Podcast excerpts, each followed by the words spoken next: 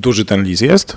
ogromny, prawie pół metra wysokości, czyli jest właściwie naturalistycznym oddaniem tego zwierzątka i trzyma kurę w pysku. Kurę niestety zaduszoną, w związku z czym ma bardzo, bardzo smutną i zawstydzoną minę. Potwierdzam, to prawda, patrzę teraz na tego lisa, ale ci, którzy przyjdą go zobaczyć e, na Wawel, będą mogli stwierdzić, to jest w ogóle taki fajny test, że podejdą i powiedzą, o, miśnia! Dokładnie tak. On już od, od, pierwszego wejrzenia widać, że jest to manufaktura królewska i jest to zamówienie królewskie. Jak ten y, piękny lisek trafił tutaj? Jak to się stało, że jest na Wawelu? To jest absolutnie cudowne zdarzenie, ponieważ te liski od początku, od momentu, kiedy zostały wykonane na, w XVIII wieku, w 1732 roku, one miały zakaz bycia sprzedawanymi. To było zamówienie królewskie na królewski użytek do królewskiego pałacu porcelanowego. XVIII wieku, pod koniec XIX, parę tych figur zwierząt trafiło na rynek i one się pojawiają szalenie rzadko, w związku z czym fakt, że Wawelowi udało się zdobyć taką figurę do, do swojej kolekcji, to jest naprawdę cudowne zrządzenie losu. Czyli ten list to taki trochę biały kruk. Absolutnie. Biały kruk w postaci białego lisa skórą. Ale to jeszcze nie wszystko, co będziecie Państwo mogli już niedługo e, zobaczyć na własne oczy, bo rzecz, która mnie jeszcze bardziej od lisa zafrapowała, to są mopsy. Okazuje się, że to nie jedyne mopsy i mieć takie mopsy to też jest taki powód do chwały. Tak, stanowczo mopsy były najmodniejszymi pieskami y, salonowymi w XVIII wieku, co oczywiście wiązało się z tym, że po prostu były modną rasą, ale y, kiedy po 1738 roku papież zabronił katolikom uczestniczenia w y, masonerii, założono coś, co się nazywało zakon Mopsa. Założono na katolickim dworze Klemensa Augusta.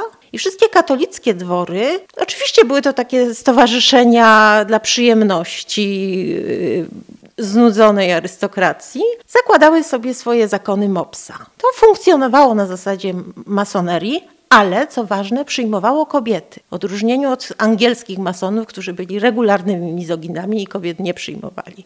Wiemy, że w Polsce nazywano ich mopsami i mopsichami. To tak a propos feminatywów.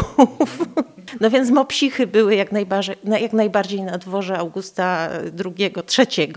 No i tym tropem mopsy stały się po dwakroć modne, bo były przy okazji takim symbolem przynależności do tej katolickiej masonerii. Czyli jeśli dobrze rozumiem, jeżeli chodzi o tą porcelanę przedstawieniową, to y, jest tak, że lisy są większym rarytasem niż mopsy, bo przed chwilą oglądałem taki ogromny katalog, gdzie tych mopsów ile bądź, jak hodowla. Tak, manufaktura produkowała gdzieś od 1740 roku mopsy w różnych wymiarach, w różnych formach, a to siedzące, a to siedzące pary z małym mopsiątkiem, e, a to y, rączki do lasek w kształcie mopsa, a to tabakierki w kształcie głowy mopsa. Po prostu mops stał się takim symbolicznym zwierzątkiem arystokracji.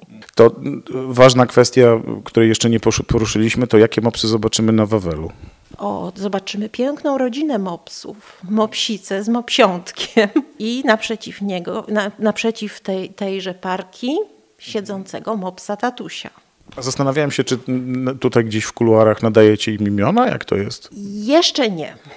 Dobrze, a tak już zupełnie e, poważnie, właśnie tego typu przedstawienia, to w ogóle jeżeli chodzi o manufakturę miśnieńską jest, e, jaki mm, Jaka część produkcji, to znaczy jak popularne w ogóle było przedstawienie, przedstawienie zwierząt jako, e, jak trudna to jest sztuka, bo to jest arcyciekawe, no bo porcelany, nie, porcelany wprost nie kojarzymy z przedstawieniami zwierząt. Wszystko właśnie zaczęło się od tego królewskiego zamówienia zwierząt do Pałacu Japońskiego. Król chciał sobie westybul wejściowy, najważniejszą właściwie część Pałacu Japońskiego witającą gości, wyposażyć w kilkaset figur naturalnej wielkości zwierząt. To miało symbol symbolizować jego menażerię, królewską menażerię zwierzyniec. Do tego celu zatrudnił najpierw Johanna Gottlieba Kirchnera, później znanego powszechnie, chyba najbardziej znanego modelera y, miśnieńskiego Johanna Joachima Kendlera. Kendler właśnie zaczynał swoją karierę w Miśni od modelowania zwierząt na to królewskie zamówienie.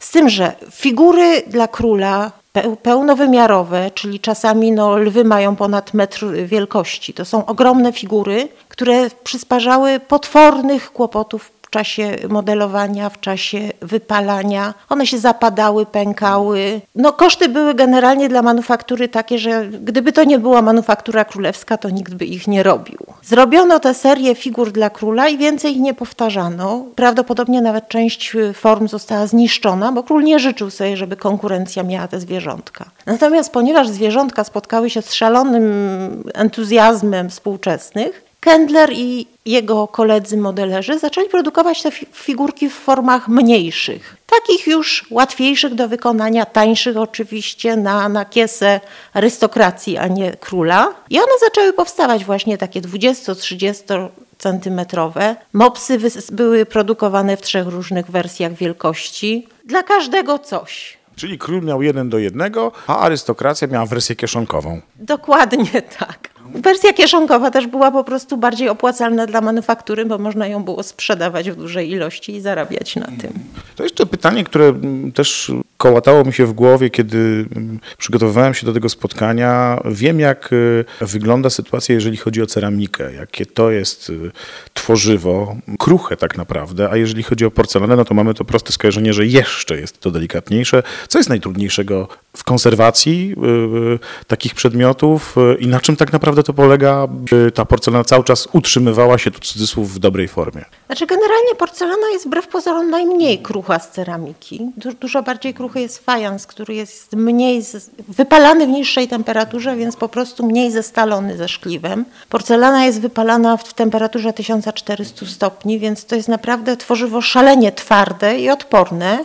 Generalnie nie rzucać i poza tym to nic temu nie szkodzi, bo mm, ja tutaj zawsze się cieszę, że przedmioty porcelanowe nie są atakowane przez drewnojady, przez y, mole, których obawiają się koledzy z działu tkanin.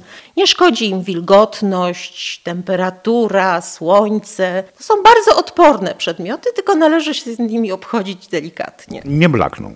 Nie. Nie. To, ale mimo tego, co pani powiedziała, nie namawiamy do tego, by lisa Miśnieńskiego na Wawelu chwytać za ogon. Zasadniczo bardzo nie namawiamy i prosimy o niedotykanie obiektów.